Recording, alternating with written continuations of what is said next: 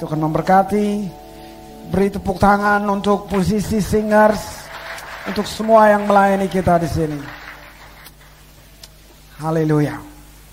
Haleluya. Kita akan masuk walaupun saudara mungkin belum berkeluarga masih jauh dari itu, tapi saya mau bilang untuk saudara bahwa apa yang saudara dengar hari ini supaya saudara punya satu dasar, saudara punya satu dasar yang kuat, yang luar biasa. Tahun 86 saya ada di Jerman Barat. Saya tinggal di satu keluarga Jerman, nama keluarganya Soineman.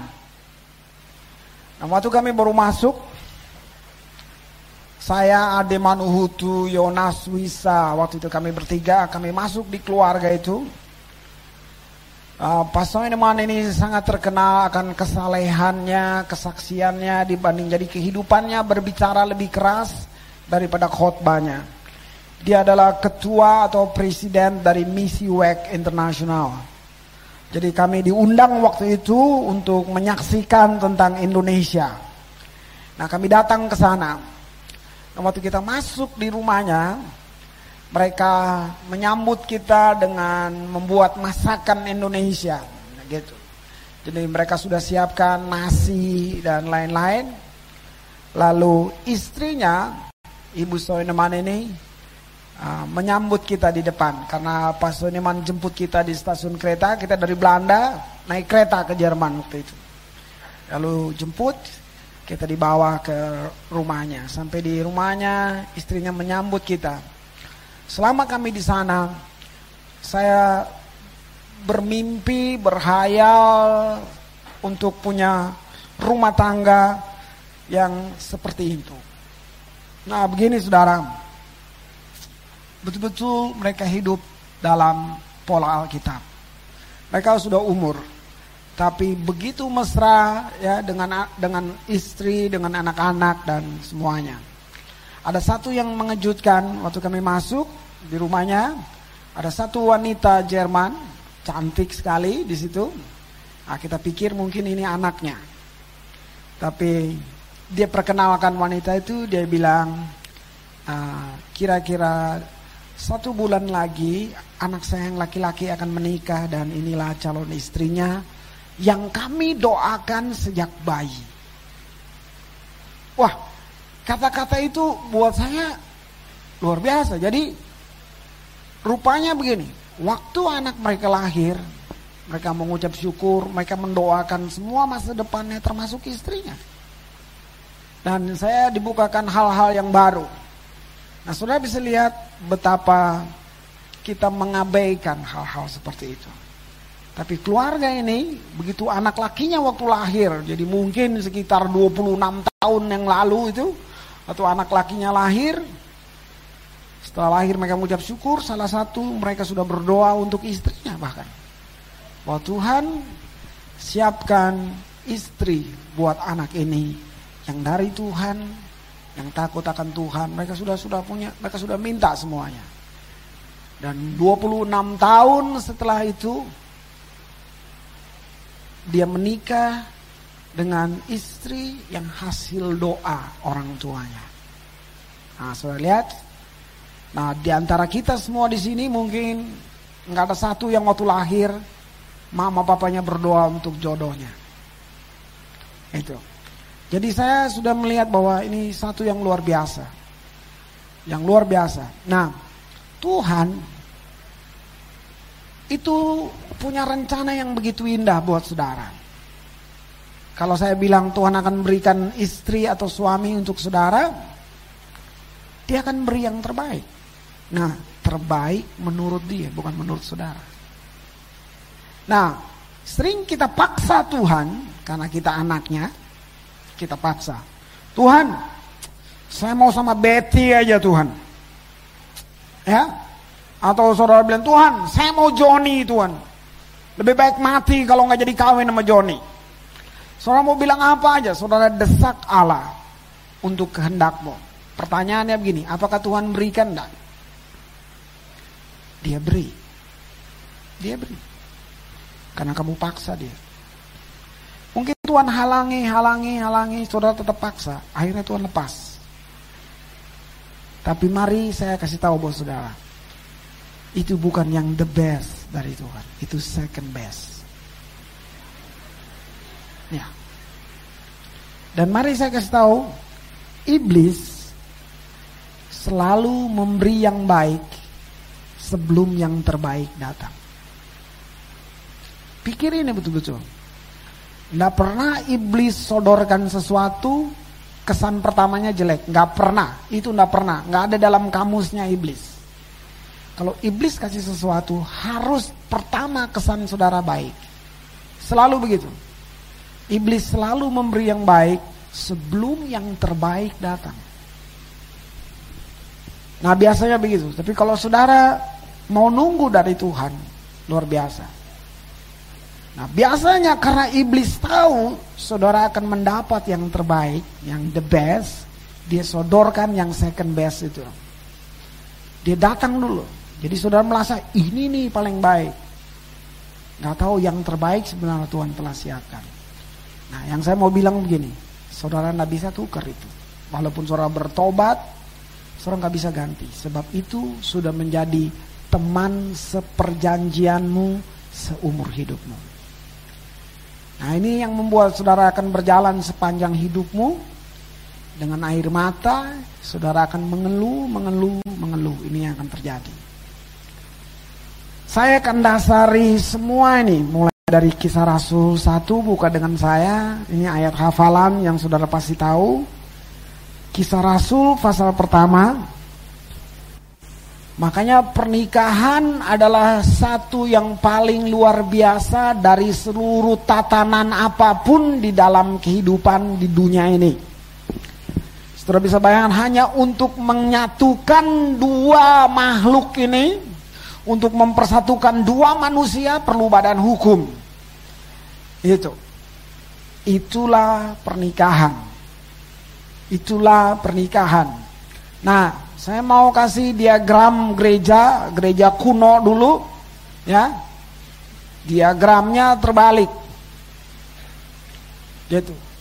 Bahwa Tuhan terus gereja, udah gereja baru yang lain-lain. Baru keluarga, pekerjaan, apa begitu.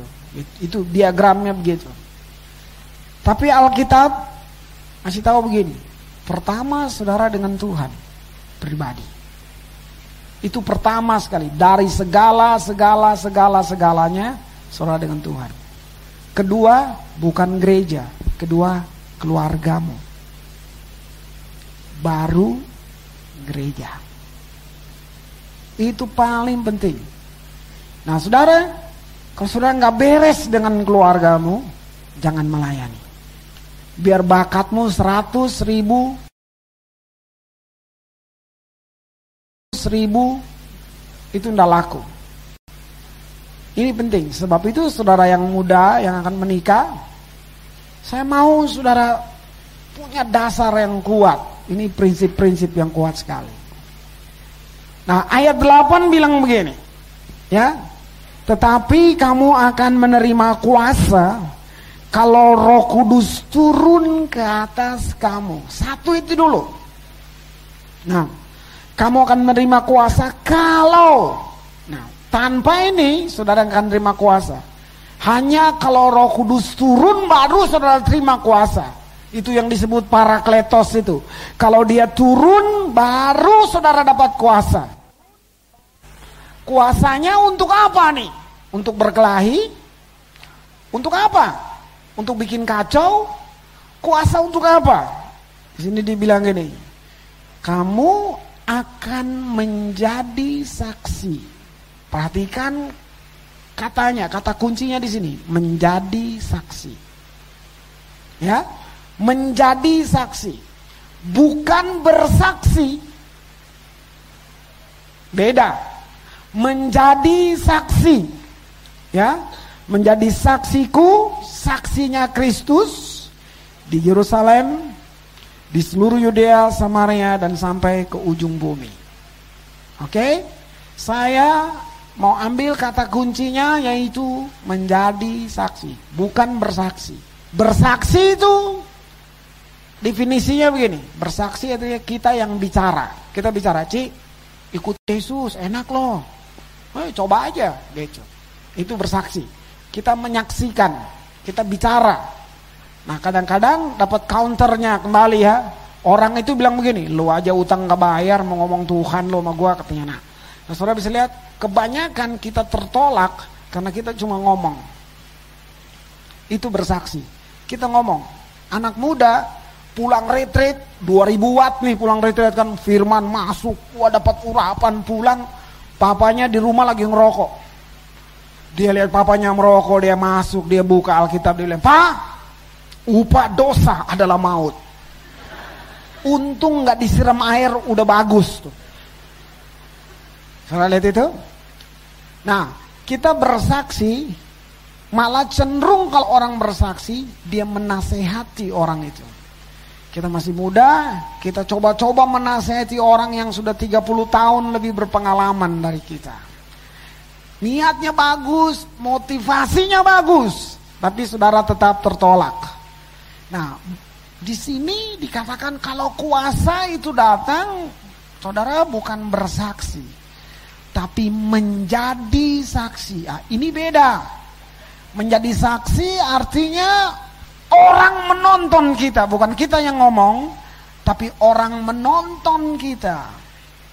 Saya pinjam kata-kata John Wesley, dia bilang begini, penginjilan yang paling efektif adalah membiarkan dunia menonton kita dibakar oleh kasih Kristus.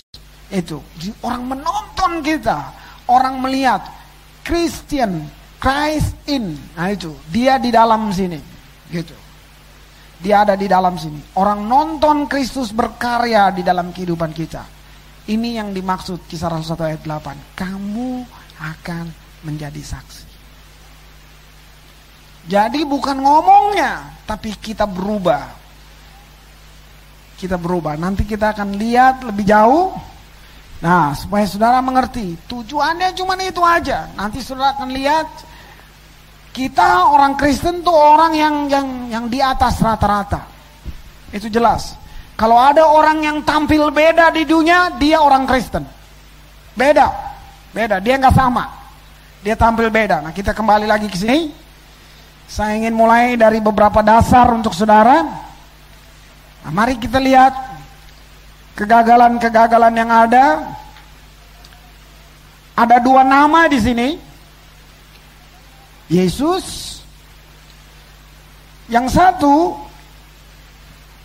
Maslow.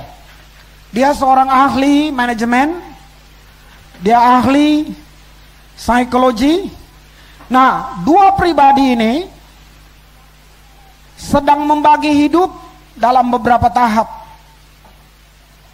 Dua pribadi ini mereka coba membagi hidup ini. Yang satu ahli jiwa ahli manajemen dia membagi hidup ini dalam beberapa tahap. Kita mulai dari manusia dulu. Ini yang namanya ahli. Dia mau mulai bagi hidup ini dari sini. Yang pertama, makan dan minum. Manusia mulai hidup, yang pertama dia pikirkan makan dan minum. Ini menjadi kebutuhan pertama. Nah kalau ini aja susah, Jangan bicara tentang bahagia, sukses, makan minum aja masih susah. Jangan ngomong deh soal yang lain-lain. Jangan bicara tentang visi, memenangkan dunia, apa jangan. Makan minum aja susah. Manusia memulai kehidupan dari situ. Nah apalagi saudara mau kawin, mau menikah. Gak apa-apa, yang penting cinta. Kerupuk satu bagi dua, enak aja. Coba loh Ya. Lalu kalau ini mereka sudah bisa atasi, yang kedua proteksi rumah. Waktu di sini rumah masih kontrak nih, ya. Waktu tingkat pertama masih kontrak, bergumul. Tiap akhir tahun udah bergumul nih, waduh mesti perpanjang lagi kontrak. Jangan ngomong kasih, biasanya anak-anak ada dalam tekanan masa-masa ini. Kalau kita tidak bertobat, masa-masa menderita kan lagi bergumul. Lalu kalau udah ada rumah, Berarti makan minum udah nggak problem. Ada rumah, udah punya rumah. Ada satu proteksi di situ. Nah saudara ingat kemarin saya bilang seorang laki-laki untuk dia mengambil seorang istri, kitab bilangan menulis dia harus punya ladang. Nggak ada Alkitab nggak kasih tahu tuh pengangguran. Nggak ada tuh. Dia harus punya ladang. Nah setelah rumah ada, baru dia mikirkan. Baru dia tahu bahwa, oh dia punya keluarga. Dia perlu kasih, keluarga perlu kasih. Sebelum itu keluarga udah deh. Ini masa-masa piring terbang di rumah, ya, gitu, ya. Ini masa-masa nggak enak nih. Jadi jangan ngomong kasih, nggak ada senyum, gitu. Nggak ada nih, ini masa-masa tegang sekali. Nah, saudara bisa tahu karena kembali lagi dasarnya salah tadi. Nah ini manusia yang nyusun ya, ini seorang ahli jiwa loh, dia sudah pikirkan, dia udah riset, dia udah semuanya untuk dia bisa membilah-bilah kebutuhan manusia ini. Nah kalau kasih sudah ada, dia udah tahu akan kebutuhan keluarga, mereka naik lagi. Di sini baru namanya reaksi keadaan luar. Apa artinya tuh reaksi keadaan luar? Dari sini baru dia mikirkan sosial, nah, gini Tuhan. Baru dia bilang, oh iya nih, gereja perlu dana berapa katanya. Sob ini udah nggak kepikir lagi, udah nggak persoalan makan minum, ya toh, gitu. Malah yang dipikir siapa yang kita makan nih sekarang gitu. Kan gitu kan, bukan makan apa hari ini, bukan kan. Tapi siapa yang kita makan nih kata gitu kan. Ini udah naik sini, rumah udah beres keluarga kasih ada rekreasi beres liburan mau ke mana. Udah ndak persoalan tuh. Itu udah udah rutin. Nah udah sampai di tahap itu baru dia sampai di orang yang memberi. Baru dia memberi. Baru dia pikirkan orang lain. Dia baru sampai di sana. Kalau itu sudah itu udah lancar udah aman baru sampai di sini lagi namanya realisasi. Realisasinya begini. Dia mau apa jadi? Begitu orang di Batam Bikin hotel deh 40 tingkat jadi itu, bukan hayalan tuh. Bikin apa nih? Kita buka plaza deh, kita udah udah sampai di sana. Namanya realisasi. Nah, pertanyaannya Bu Saudara, apakah kita semua yang hadir hari ini kita mampu jalan dari tangga pertama sampai kelima? Saudara jawab sendiri. Bagaimana dengan Tuhan Yesus? Tuhan Yesus sedang mengajar atau memulai kehidupan manusia dari makan dan minum. Apa yang Tuhan Yesus mulai waktu datang ke dunia? Dia datang buat orang miskin. buat orang miskin. Dia datang buat gembala-gembala. Dia datang buat orang yang hina, papa. Dia datang buat semua lapisan. Bahkan buat orang paling kaya pun dia datang. Dan ini pesan pertamanya bertobat. Dia nggak bicara makan dan minum. Dia bilang begini, burung pipit tidak menanam, aku pelihara. Bunga bakung tidak memintal, aku dandanin dia. Bukankah kamu lebih berharga dari burung pipit dan bunga bakung? Kenapa kamu tidak percaya? Tapi apa yang Tuhan minta? Bertobat. Saudara lihat, kalau saudara ikut pandangan Maslow, saudara akan pikir 40 tahun mungkin saya mesti kerja. Saya mesti cari duit. Saya mesti habis-habisan. Saya mau mulai hidup ini begitu beratnya. Mungkin hari ini jangankan yang kelima. Mungkin saudara masih nomor dua. Belum ada kasih di rumahmu. Udah ada rumah, ada semua tapi tetap nggak aman. Mari kita lihat dasar yang salah itu. Tapi Tuhan Yesus mulai dari sini. Bertobat. Tuhan tidak bilang kumpul beras banyak-banyak. Enggak. Tuhan cuma bilang bertobat. Itu awal kehidupanmu. Luar biasa. Baru yang kedua, dilahirkan kembali. Ya itu. Kan bertobat, Tuhan bertobatlah kamu, ya berilah dirimu dibaptis nah itu dilahirkan kembali di mana di dalam kerajaannya di dalam kerajaan Allah nah saudara mulai hidup dengan pola yang baru tatanan pikiran yang baru Semua yang baru. Tuhan nggak ngomong rumah nih di situ. Tuhan nggak ngomong rumah. Cuman cuman ngomong begini. Lu lahir baru deh, lahir di kerajaannya. Kamu lahir di kerajaannya. Itu dia yang mikirin. Dia yang pikirkan. Saudara yang pekerja di sini saya mau bilang, bangun rumah Tuhan, Tuhan akan bangun rumahmu. Tuhan akan bangun kehidupanmu. Lalu Yesus nggak ada dia ngomong yang lain. Yang berikut dia ngomong begini, dimuridkan. Dia nggak bicara kasihnya dari depan saudara dapat kasih. Eh dengar saudara, pertobatan itu anugerah. Jutaan orang ingin baik, nggak pernah bisa baik. Pertobatan itu anugerah. Saya bayangkan, satu anugerah kita dipanggil untuk bertobat. Berarti kita masuk dalam satu dimensi yang belum pernah kita tahu. Dimuridkan. Nah ini bicara tentang gereja. Masuk dalam persekutuan. Yang ditanam di bait Allah. Mazmur 90 ya. Dia akan bertumbuh dan bertunas di pelataran Allah. Ingat, ditanam di bait Allah, nggak di kebun orang. Di bait Allah ditanamnya. Nah itu dimuridkan. FA itu semuanya. Itu tujuannya kita dimuridkan.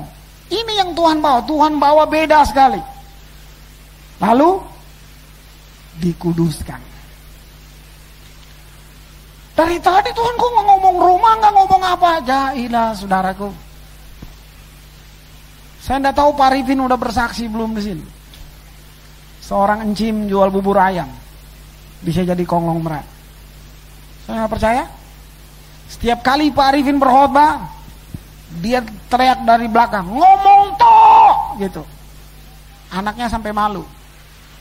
Omong kosong, kacung kowe digitu-gituin kalau Pak Arifin lagi khotbah.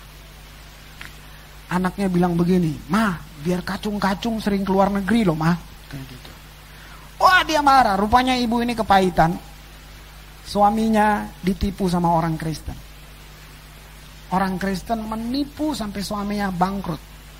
Dan saudara mesti tahu ibu ini jalan ke mana-mana bawa belati, pisau belati di tasnya. Ini incim-incim loh. Niatnya cuma satu, kalau ketemu orang itu dia bunuh. Nah saudara lihat itu. Tapi saudara tahu, waktu Arifin, Arifin terus khotbah layanin dia. Sampai dia bertobat. Di saat nggak ada modal sama sekali dia mulai dengan bubur ayam. Saya singkat cerita buat saudara. Dengan bubur ayam itu dia sampai ke cendana. Serius. Benar-benar. Bahkan terakhir dia masih ngomong tentang izin gereja di Bali itu. Saudara bisa bayangin waktu dia bawa bubur ayam, ibu negara bilang mau apa loh? Dia cuma bilang, itu gerejaku belum dapat izin. Nangis ibu. Dengar itu, nangis. Sabar ya, cuma bilang begitu. Serius, serius saudara. Jual bubur ayam. Dari mana? Kenalnya gimana? Itu Tuhan. Dengan bubur ayam, pulih. Semua ekonominya pulih. Pulih, pulih, pulih. Ada orang yang utangnya miliar, sampai udah jual semua masih belum lunas. Bagaimana lunasnya? Tuhan bilang mulai usaha baru usahanya nggak jual beli mobil, jual beli laut, jual beli gunung, nggak. Saudara bikin apa? Bikin tali sepatu. Nggak masuk akal tuh? Nggak percaya tuh? Pulang aja. Tapi itu terjadi saudara di Bandung. Jual tali sepatu, bayar utang. Itu Tuhan. Itu Tuhan. Dari tadi kalau manusia ahli jiwa nyusunnya begini. Emang saudara terima dengan logika saudara. Tapi coba pikir, sudah harus tunggu berapa tahun untuk sampai jadi satu realisasi. Tuhan tuh mulainya dengan dengan dari dalam. Saudara tahu tak bernakal? Tuhan mulai dari ruang maha kudus. Keluar. Bertobat, akhir baru, dimuridkan, dikuduskan. Artinya Allah sangat bertanggung jawab untuk seluruh kehidupanmu. Kalau saudara sampai di situ, yang terakhir, apa itu? lebih dari pemenang. Ya. Kita Roma bilang begini, kita dibawa dalam jalan kemenangannya. Lebih dari pemenang. Tadi waktu saya bermasmur, saya bilang Tuhan, aku merenungkannya dalam perjalananku. Ada banyak pemberontakan, kegagalan, kesalahan yang kita buat. Tapi kasih Tuhan begitu dalam, begitu panjang, begitu lebar, begitu luas. Sehingga kalau kita lihat, cuman kita bisa bilang Tuhan, terima kasih.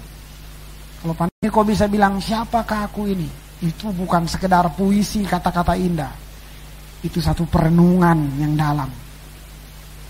Betul saudara, kalau saudara udah lihat begitu, baru saudara bilang benar, kita lebih dari pemenang. Lebih dari pemenang. Di sini nggak ada birokrasi, nggak ada apa-apa. Tapi kita akan lebih dari pemenang. Nah, saudara, kita akan bongkar seluruh kondisi kehidupan keluarga yang hancur. Pemulihan keluarga. Rumah tangga, rumah tangga perlu pemulihan. Karena begini, menghancurkan hukum dosa di dalam keluarga. Saya bilang kemarin, bukan waktu suami meninggalkan istri baru berdosa, tapi karena dosa suami meninggalkan istrinya. Nah, hukum itu perlu dihancurkan. Sejak manusia jatuh ke dalam dosa, manusia menjadi terkutuk dan dikuasai oleh hukum dosa. Hukum dosa juga telah masuk ke dalam keluarga pernikahan. Apabila hukum dosa tidak dikalahkan, maka ia akan merusak setiap keluarga. Apa yang buat Hawa mau makan buah itu? Bukan karena buah itu sedap. Bukan itu yang pertama yang membuat Hawa tergoda. Tapi saudara dengar statement yang disodorkan oleh iblis di Taman Eden adalah begini. Hawa, kalau kau makan buah itu, ini yang buat Hawa tergoda. Kau akan menjadi seperti Allah. Buah, buah ini nggak ada di mana-mana, cuman ada di sini, nggak gitu. Kamu akan menjadi seperti Allah. Saudara, sejak kejadian pasal 3 sampai hari ini, manusia menjadikan dirinya Allah. Waktu manusia tidak lagi menyembah Allah yang sesungguhnya, manusia menyembah Allah yang palsu. Sampai hari ini. Itu. Dan itu sudah menjadi hukum. Dan mulai saudara bisa lihat segala-galanya hancur. Padahal mulanya Allah memberkati Adam dan Hawa. Tapi saudara bisa lihat mereka mengizinkan dosa masuk di dalam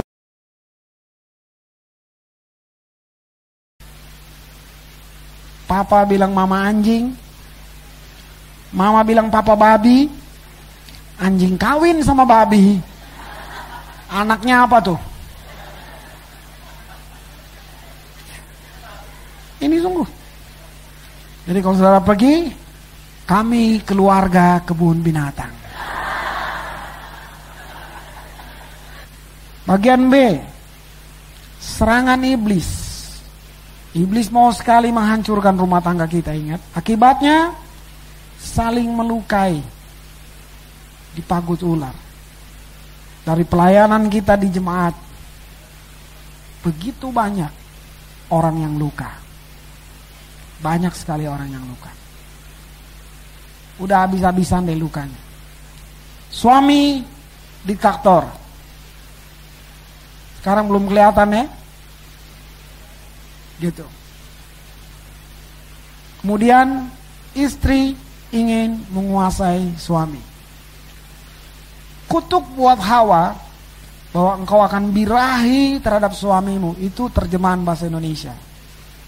Tapi naskah aslinya mengatakan begini, kamu akan menguasai suamimu. Itu. Saudara bisa lihat ini. Saudara dengar, waktu Tuhan beri Hawa buat Adam, Tuhan nggak bilang gini, Adam, ini teman seksmu. Pikirkan sungguh-sungguh. Waktu Tuhan datang membawa Hawa buat Adam, Tuhan gak bilang ini teman tidurmu. Tapi Tuhan bilang dia penolong. Nah, bukan nolong angkatin koper. Saudara ngerti penolong? Nah, saya tahu persis, saya sangat menyadarinya. Dalam pelayanan, dalam banyak hal, dalam hikmat juga. Istri saya jadi penolong. Betul-betul. Jadi penolong. Nanti waktu-waktu tertentu saya nggak mau dengar, tapi ada waktu tertentu saya nggak boleh nggak dengar dia. Gitu. Kenapa? Karena memang udah kodratnya begitu. Kodratnya begitu. Seorang laki-laki itu dia perlu penolong. Tapi perannya kacau. Karena apa? Karena dosa. Sebab itu sejak mudamu jangan hidup berdosa. Sehingga waktu saudara menikah, saudara nggak menikah dalam dosa. Ini sangat penting. Berikutnya, kesulitan ekonomi. Kemiskinan adalah kutuk. Kutuk buat Adam adalah begini. Dengan berpeluh keringat, engkau akan memberi makan anak istrimu. Saudara nggak usah berdoa, asal mau berpeluh keringat, saudara bisa dapat uang. Nggak usah berdoa. Orang lain tidak percaya Yesus, mereka bisa hebat. Tetangga kita tidak percaya Yesus, mobilnya lebih bagus, televisinya lebih bagus, rumahnya lebih bagus. Kita bilang percaya Yesus, utang nggak bisa bayar, murah marif, anak kita morfinis, semuanya. Saudara bisa lihat itu? Kenapa? Kisah Rasul satu tadi nggak jadi kenyataan kita tidak menjadi saksi. Nah, kalau kita lihat ada hukum dosa yang menguasai kita di dalam. Karena kesulitan ekonomi penuh penderitaan, duri-duri keringat. Jadi saya mau beritahu buat saudara, salib bukan kemiskinan, salib itu kutuk. Jangan jangan ambil-ambil pandangan, nggak apa-apa, miskin di bumi, nanti di surga rumah kita dari emas. Kalau lo masuk surga. Kalau enggak.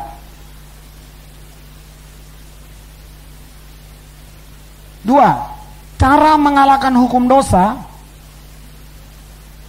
yaitu berjalan dengan hukum roh. Besok mungkin kita akan bahas itu.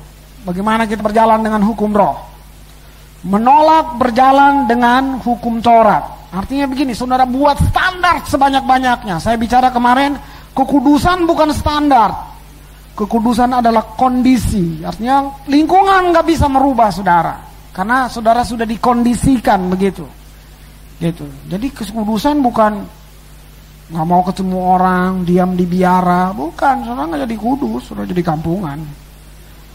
Ya, Kedua, memikirkan hal-hal yang dari roh, prinsip-prinsip firman. Maksudnya begini, fakta bilang kamu susah. Firman bilang apa? Fakta bilang nggak ada beras lu besok. Iman bilang apa? Fakta bilang penyakitmu nggak bisa sembuh. Dokter sudah bilang. Firman bilang apa? Itu kita mesti memikirkan prinsip-prinsipnya. Itu. Ini yang luar biasa iman yang besar untuk saudara. Itu yang dimaksud Alkitab ajarkan begitu. Saudara nanti lihat bagaimana Ribka dipinang. Itu nggak main-main tuh. Mahal seorang laki-laki itu mahal sekali untuk mengambil seorang wanita. Perlu iman. Karena saudara adalah orang-orang yang dikuduskan. Saudara adalah anak-anak Tuhan. Nah ini sehingga pernikahan itu dalam terang itu. Saudara nih, saya mau bilang, kalau Tuhan tidak suruh kamu menikah, yang saya tahu Tuhan tidak pernah suruh itu. Jangan menikah sembarangan seperti yang saya bahas kemarin. Gak apa-apa, agama lain. Kan sama semua, tujuannya kan satu. Eh dengar, jalan ke Roma memang banyak, jalan ke surga cuma satu. Nggak banyak. Ke Roma emang banyak jalannya, ke surga nggak banyak. Ya satu. Sama aja kalau saya mau ke bulan. Cuman satu jalannya mau pergi ke bulan lewat angkasa. Puter-puter di Batam 6000 kali pun udah sampai saudara. Ya. Jadi saudara ini ini ini prinsip. Ini saudara mesti tahu itu. Suami yang memimpin dengan keyakinan firman, bagaimana dia bisa memimpin kalau dia nggak bertobat? Di sini. Suami yang mengasihi, Suami yang mengasihi istri dengan dua hal. Bagaimana? Yang pertama, menguduskan, menyucikan istrinya. Bagaimana caranya? Ini yang dilakukan oleh Ayub. Misalnya istri kita, istri-istri itu ada satu karunia yang lupa ditulis dalam Alkitab. Jangan percaya. Karunia itu namanya cerewet. Nah, misalnya begini. Tadi pagi pembantu udah dia marah-marah. Eh, rekening listrik datang disempret lagi sama dia kan? Datang lagi tukang ini lagi, tukang ini udah marah-marah satu harian. Ya. Belum pembantu setrika, baju kesukaannya gosong lagi ujungnya. Wah, sudah kan dari pagi sampai sore Indonesia Raya terus. Dan saudara tahu lagu itu cukup panjang kan Indonesia Raya? Dan tambah hari tambah tinggi kan? Apalagi referennya kan? Bangun bangun nama gitu kan? Nah, maksudnya apa yang dibuat oleh suami yang cinta Tuhan ini, suami yang bertobat? Waktu dia lihat itu, malamnya dia menguduskan istrinya dalam doa. Tuhan, ampuni istri saya. Dia sudah capek. Anak-anak sakit hati mungkin tadi kena sempretannya membantu tetangga semuanya. Nah, saudara menguduskan dia. Itu maksudnya begitu. Dan dan saudara mesti tahu Tuhan kita tuh bagaimana ya? Ya, hubungan itu bagi Tuhan segalanya. Gitu. Terus dia ngambil rotan dia datang kepada istri kita. Makanya loh, dia nggak gitu, nggak, nggak. Tapi ini yang Tuhan tunggu. Ya, seperti tadi saudara main musik, misalnya Misalnya saudara salah main gitu, Tuhan kan nggak pakai rotan, tuh eh, eh F F F, hmm. eh? Mau suara kita kayak gongo, tapi waktu itu kita naikkan dengan hati kita, Allah menikmatinya. Begitu juga kehidupan suami istri. Hanya si suami menguduskan. Sebab begini, iblis akan makai saat itu untuk datang menuduh. Jadi waktu si suami menguduskan, bebaslah kita dari tuduhan itu. Itu yang dimaksud suami yang mengasihi. Nah coba saudara yang perempuan renungkan. Mustahilkah saudara dapat suami seperti ini? Kalau sangat mustahil, saudara akan pernah punya suami yang begini. Ya. Kalau saudara menikah dengan laki-laki yang gak bertobat, saudara sedang menikah dengan anjing yang dikasih pakai jas. Serius. Benar-benar. Amsal bilang begini, manusia pengkhotbah, manusia lebih dari binatang. Ya, kalau dia nggak nggak ada nggak ada nggak ada Tuhan di dalamnya. Martin Luther bilang begini, seluruh pikiran manusia kalau tidak dirubah oleh Kristus sama dengan pelacur. Benar. Itu sungguh-sungguh. Sebab itu saudara, Nah, apakah sudah ambil prinsip yang kemarin? Begitu 26 tahun ke atas, siapa aja deh. Mau begitu. Nah, Tuhan di mana kalau saudara prinsipnya begitu? Berdoa supaya saudara punya suami. Sebab gini, seorang suami dia akan menjadi imam, raja, dan nabi di dalam rumahnya. Itu goalnya. Jadi setiap saudara harus menguduskan diri. Kuduskan dirimu. Allah lihat dari tempat yang tersembunyi itu Allah melihat. Wanita ini dia menjaga diri. Sebab begini saudara motifnya begini. Saya kuduskan dirinya. Karena diri saya, tubuh saya akan saya persembahkan kepada seorang yang akan memimpin saya secara rohani maupun secara jasmani. Allah hargai komitmen itu. Jadi Allah akan kasih saudara suami yang seperti ini. Tapi kalau sekarang sudah mulai bersolek, menggoda, nah, ya, saudara akan dapat itu juga. Itu. Mengasihi dan merawat istrinya. Itu. Jadi saya percaya istri-istri memang harus cantik. Istri-istri boleh dandan. Rumah aja nggak dirawat jelek. Istri-istri harus dirawat dong. Kecantikan tuh harus dirawat. Ya, Kemudian suami yang membangun istrinya, bukan lagi tidur dibangunin begitu.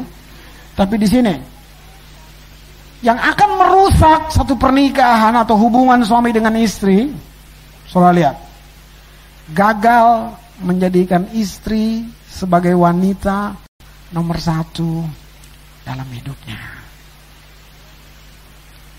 Saudara mungkin belum menikah. Tapi yang sudah menikah, siapa di sini yang sedang pacaran, sedang bikin rencana mau menikah?